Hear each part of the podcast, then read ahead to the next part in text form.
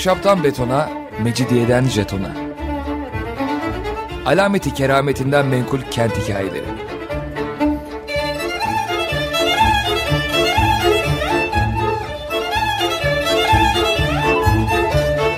Hazırlayan ve sunan Pınar Erkan.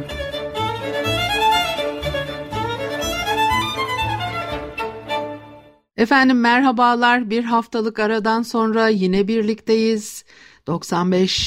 95.0 frekanslı açık radyoda ahşaptan betona, mecidiyeden jetona tam şu anda başlamış bulunmakta.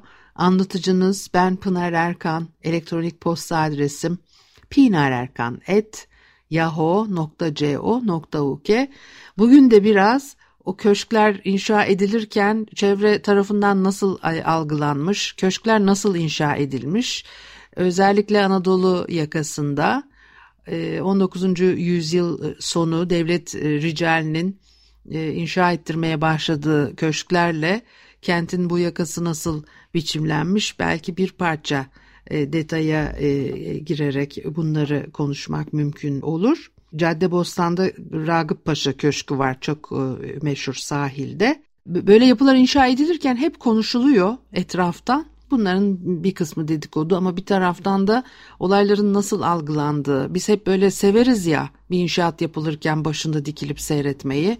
Bizim halk sporlarımızdan bir tanesi olarak karşımıza çıkıyor. Ama o dönemler içerisinde bazı uygulamaların nasıl algılandığıyla da ilgili enteresan bilgiler öğrenmek mümkün oluyor.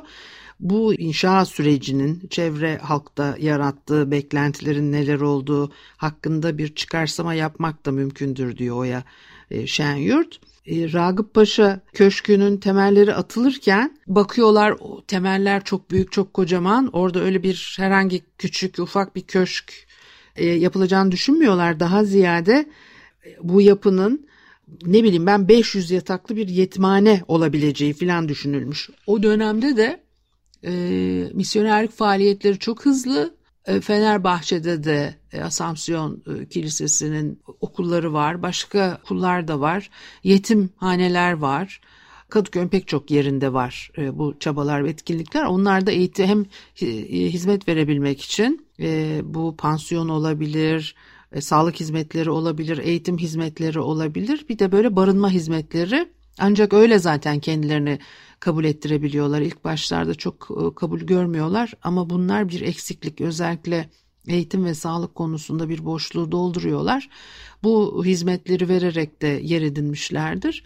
Halkın da gördüğü o. Olsa olsa e, böyle bir yetimhane yapısı bak bir de 500 yataklı filan öyle bir yapıdır bu diye düşünülmüş. Bir de bakmışlar inşa edilen yapı ahşap değil şehzade ve sultan sarayı olabileceğini e, tahmin edenler olmuş. Kagir köşkü hanedanlığa yakıştırıyorlar. Mesela Boğaz kıyılarında da e, ilk inşa edilen yalılar, sahil sarayları aslında ahşap değil. Bunlar hep kagir. Ama kagirin de malzeme olarak yarattığı etki var. Tercih edilmemesinin de sebepleri var. İşte burada da eğer bir kagir yapı inşa ediliyorsa onun pek de sıradan halk e, olmayacağı e, düşünülmüş.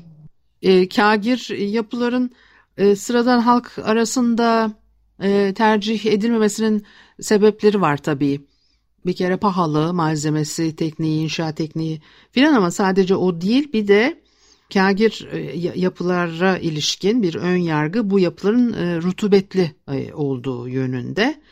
Hele bir de böyle deniz kıyısındaysanız Ragıp Efendi Köşkü'nün o Caddebostan'da olduğu gibi kagir olarak inşa ettiğiniz zaman rutubeti daha da arttıracaksınız diye düşünülüyor, değerlendiriliyor. Bir de köşkün yerleşim planı söz konusu.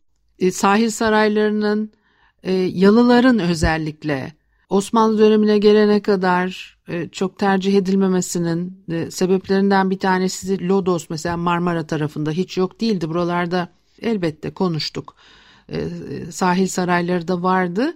Ancak o Lodos tabi sıkıntı yaratan bir şey.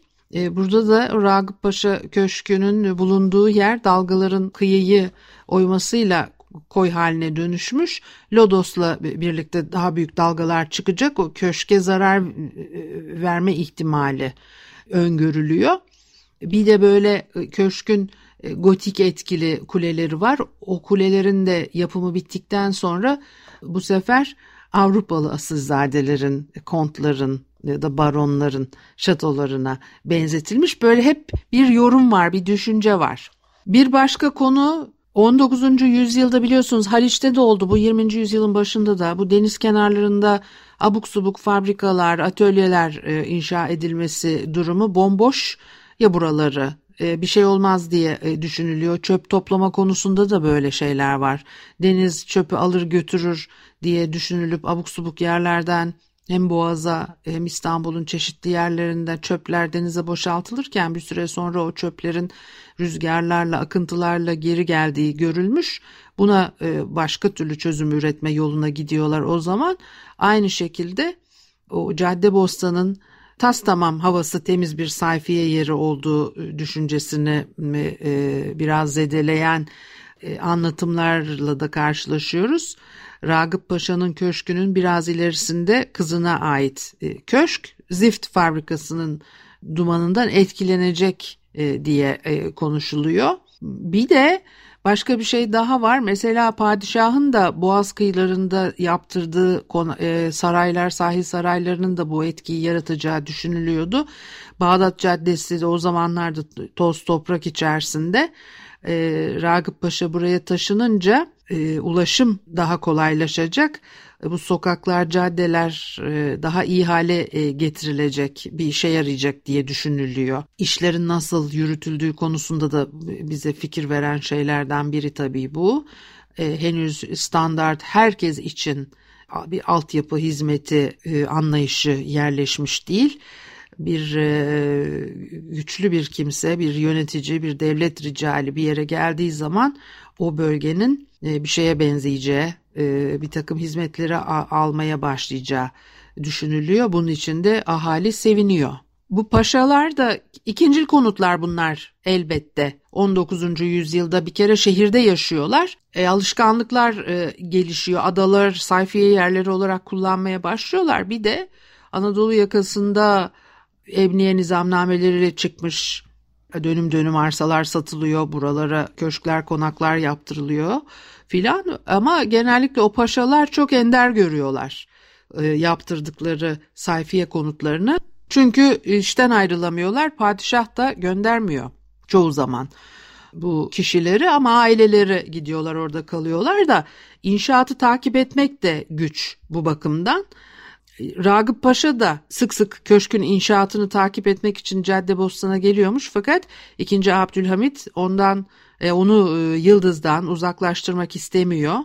Üstelik de İstanbul'un başka bir semtinde yaşamasına da e, izin vermiyormuş.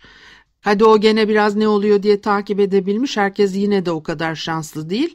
Tahsin Paşa Fener yolunda bir kâşhane yaptırıyor. Onu bir kez bile kontrol edememiş. Ancak fotoğraflardan görebilmiş yapının e, neye benzediğini, nasıl inşa edildiğini. Çok ilginç değil mi? Çünkü başka türlü de konuşuyoruz bu dönemlerle ilgili. Yine o yaşayan yurt hocamız bizi çok güzel bir detayla e, bilgilendiriyor bu konuda.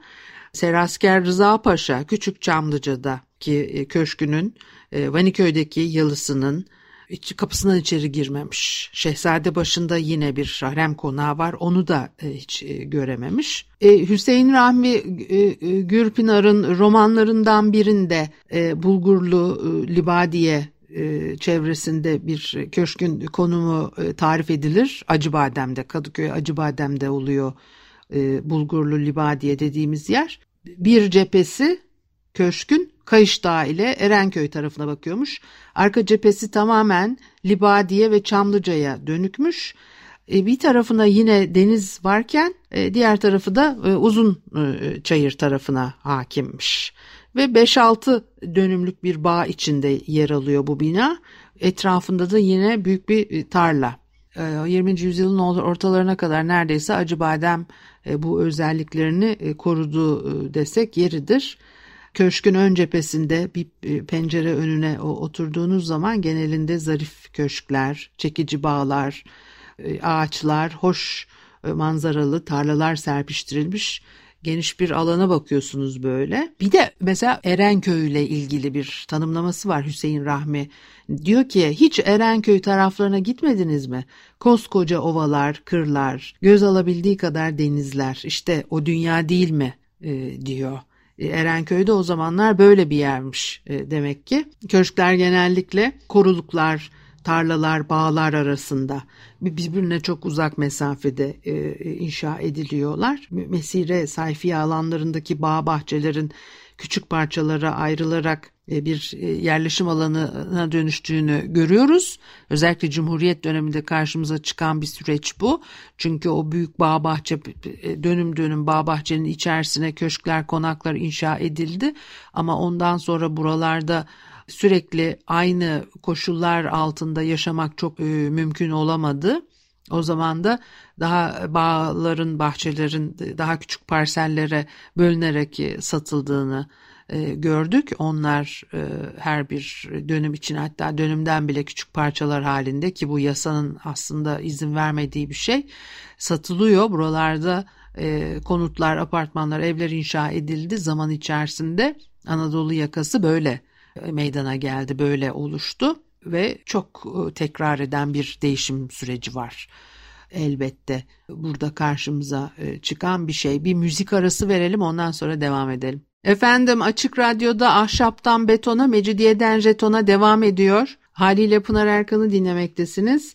Biraz Anadolu yakasında e, farklı semt isimleri de söyledik ama Emniye ee, nizamnameleri bir, satış işlerini aslında kolaylaştıran maddeler içeriyordu. Bir taraftan da e, zorlaştıran e, maddeler de içeriyor. İlk köşkler, bağlar, bahçeler satılıyor. Daha doğrusu ilk köşkler devlet ricali tarafından kendilerine satılmış olan büyük bağlık bahçelik alanlar içerisine inşa ediliyor. Ondan sonra onların bahçeleri daha küçük parçalara ayrılarak satılıyor filan. Bir dönümden daha aşağı ölçüde bölümlenmeye izin yok aslında. E, Ebniye Nizamnamesi'nin maddelerinde açıkça ifade edilmiş. Ancak e, arazi sahipleri resmi izin almadan arsalarını parçalara bölüyorlar ve bazı kişilere senet karşılığında satıyorlar.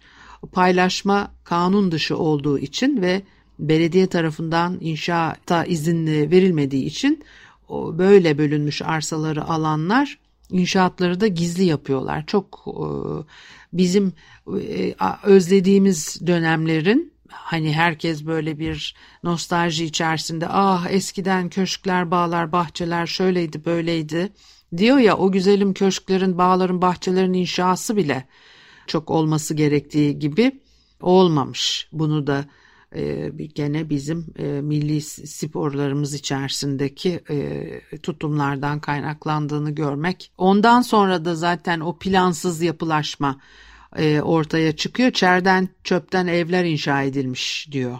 Lağımdan, kaldırımdan yoksun yani altyapı hizmetleri sağlanamamış eğimli, dar sokaklı mahalleler böyle ortaya çıkıyor bir köşk varsa bağlık bostanlık alanların o köşkler yıkıldığı zaman da e, kalan e, alan parça parça satışa e, çıkarılıyor. Örneğin 25 Temmuz 1900 yılına ait bir belgede Kadıköy Cafer Mahallesi Lorando Sokak'ta bahçe içindeki köşk yıkılıyor arsa halinde parça parça e, satacaklarını ifade eden Patrick, Ohannes, Kilabi ve Artin'in imzalarıyla 10. Belediye Dairesi'ne bir arzuhal e, verilmiş o dönemde. Söz konusu yerin mahalle teşkili için sıhhi bir mahsuru olmadığı e, Hıfzı Sıha Ser Müfettişi Rasim Paşa tarafından e, bildirilmiş Şenyurt Hoca bize aktarıyor.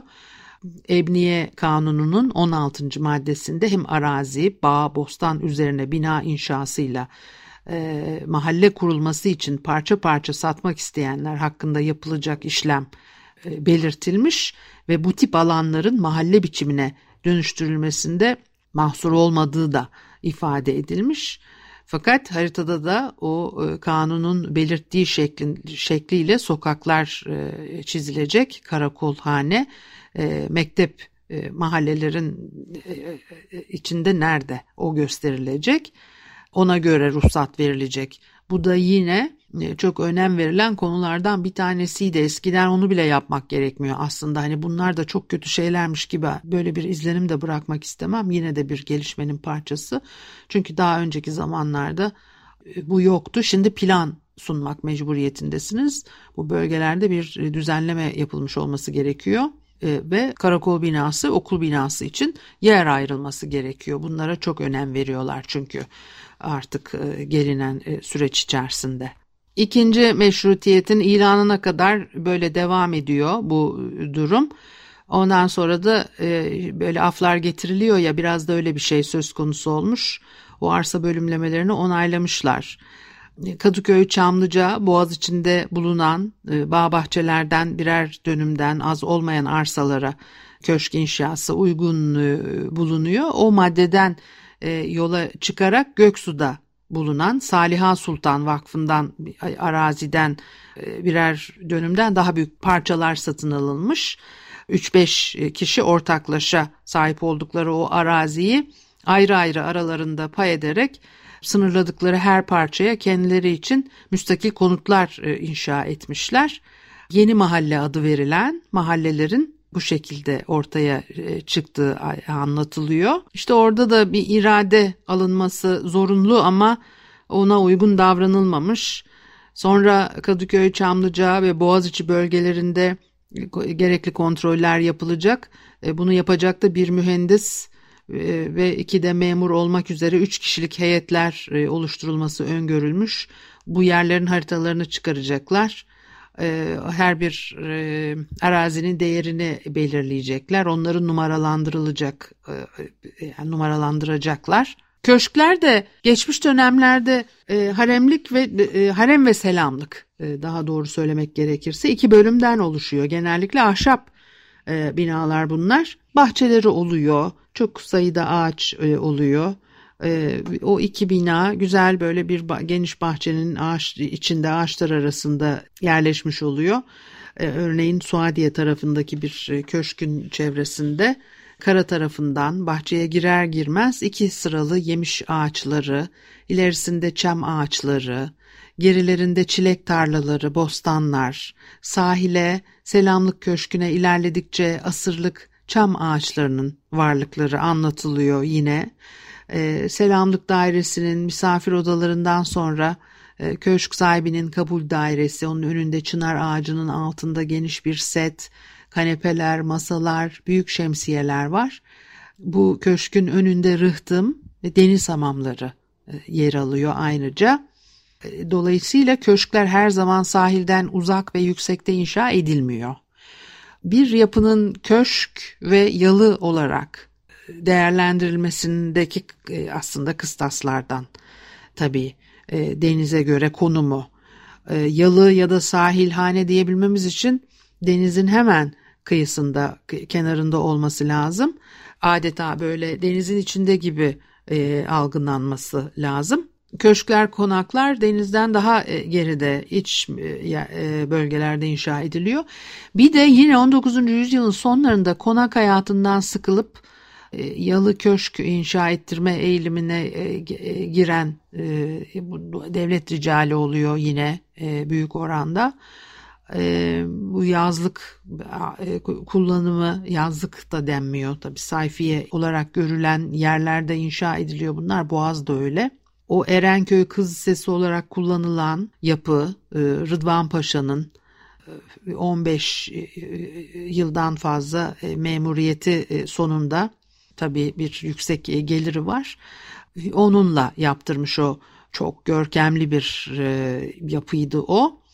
Şişli'de bir konakta kirada oturmaktan sıkılmış. İşte biraz dinlenirim fırsat buldukça hava değiştiririm falan diye bu köşkü yaptırıyor. Yalnız İhsan yolunu, yoluyla alındıysa eğer bu köşkler kasırlar onlar da her zaman sahibinde kalmıyor elbette. İkinci Abdülhamit maden imtiyazları veriyor ve bu şekilde e, Müşir Fuat Paşa bir servet edinmiş. O yapı inşası kalabalık köşk hayatı gibi e, aşırı e, masraflar yaparak parasını harcamış. E, Fenerbahçe'deki köşkü onun da meşhurdur. E, Japon, Çin, şark tarzında ufak köşkler yapmaya başlamış bahçeye fakat bunların hepsini tamamlayamıyor çünkü çok paralar harcadığı dikkat çekiyor. E, ikinci Abdülhamit e, Paşa'yı e, tevkif ettirerek Şam'a sürmüş. Hikayelerin hepsi öyle çok parlak değil hatta çoğu çok parlak değil. E, bazı köşklerde o sahiplerinin geldiği mevkilerin yükselmesine sebep oluyor. Cemil Topuzlu Köşkü bunlardan bir tanesi şehremini olmadan önce bir cerrah tabii kendisi e, Valori'ye yaptırmıştı köşkünü 1900 yılında. Valori de çok önemli o dönemin mimarlarından. Bahçesini düzenlettiriyor bu konuda uzman olan e, kişilere Cemil Topuzlu. Az rastlanan hani her yerde rastlanmayan mitolojik heykeller var bahçenin içerisinde.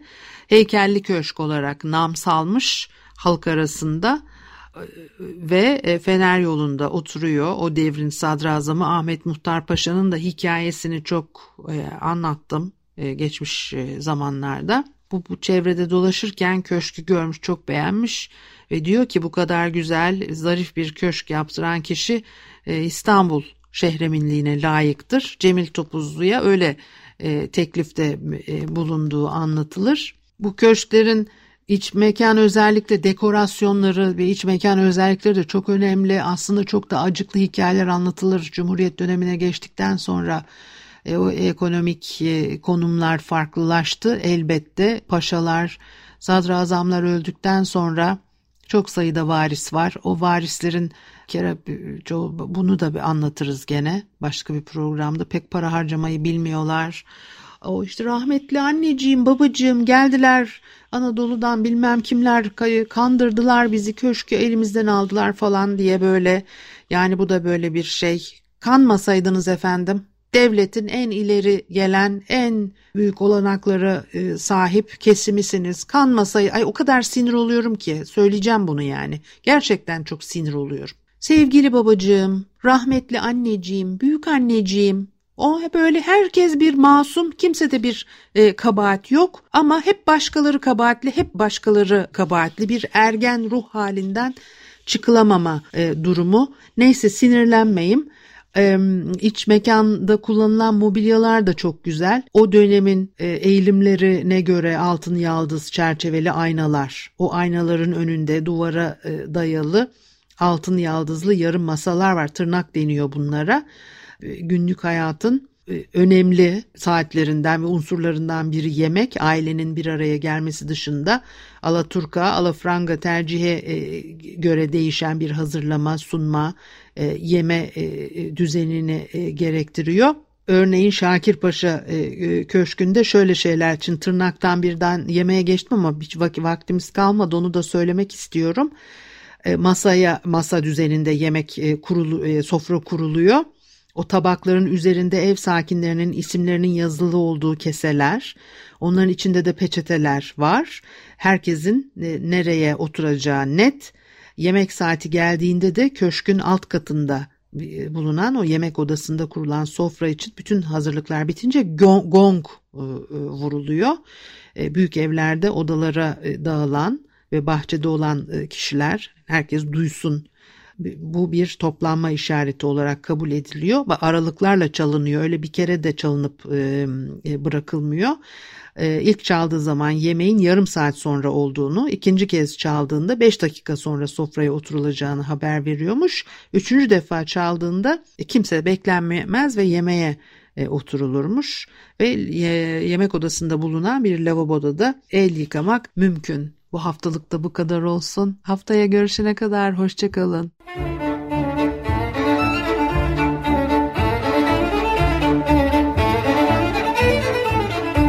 Ahşaptan betona, mecidiyeden jetona. Alameti kerametinden menkul kent hikayeleri.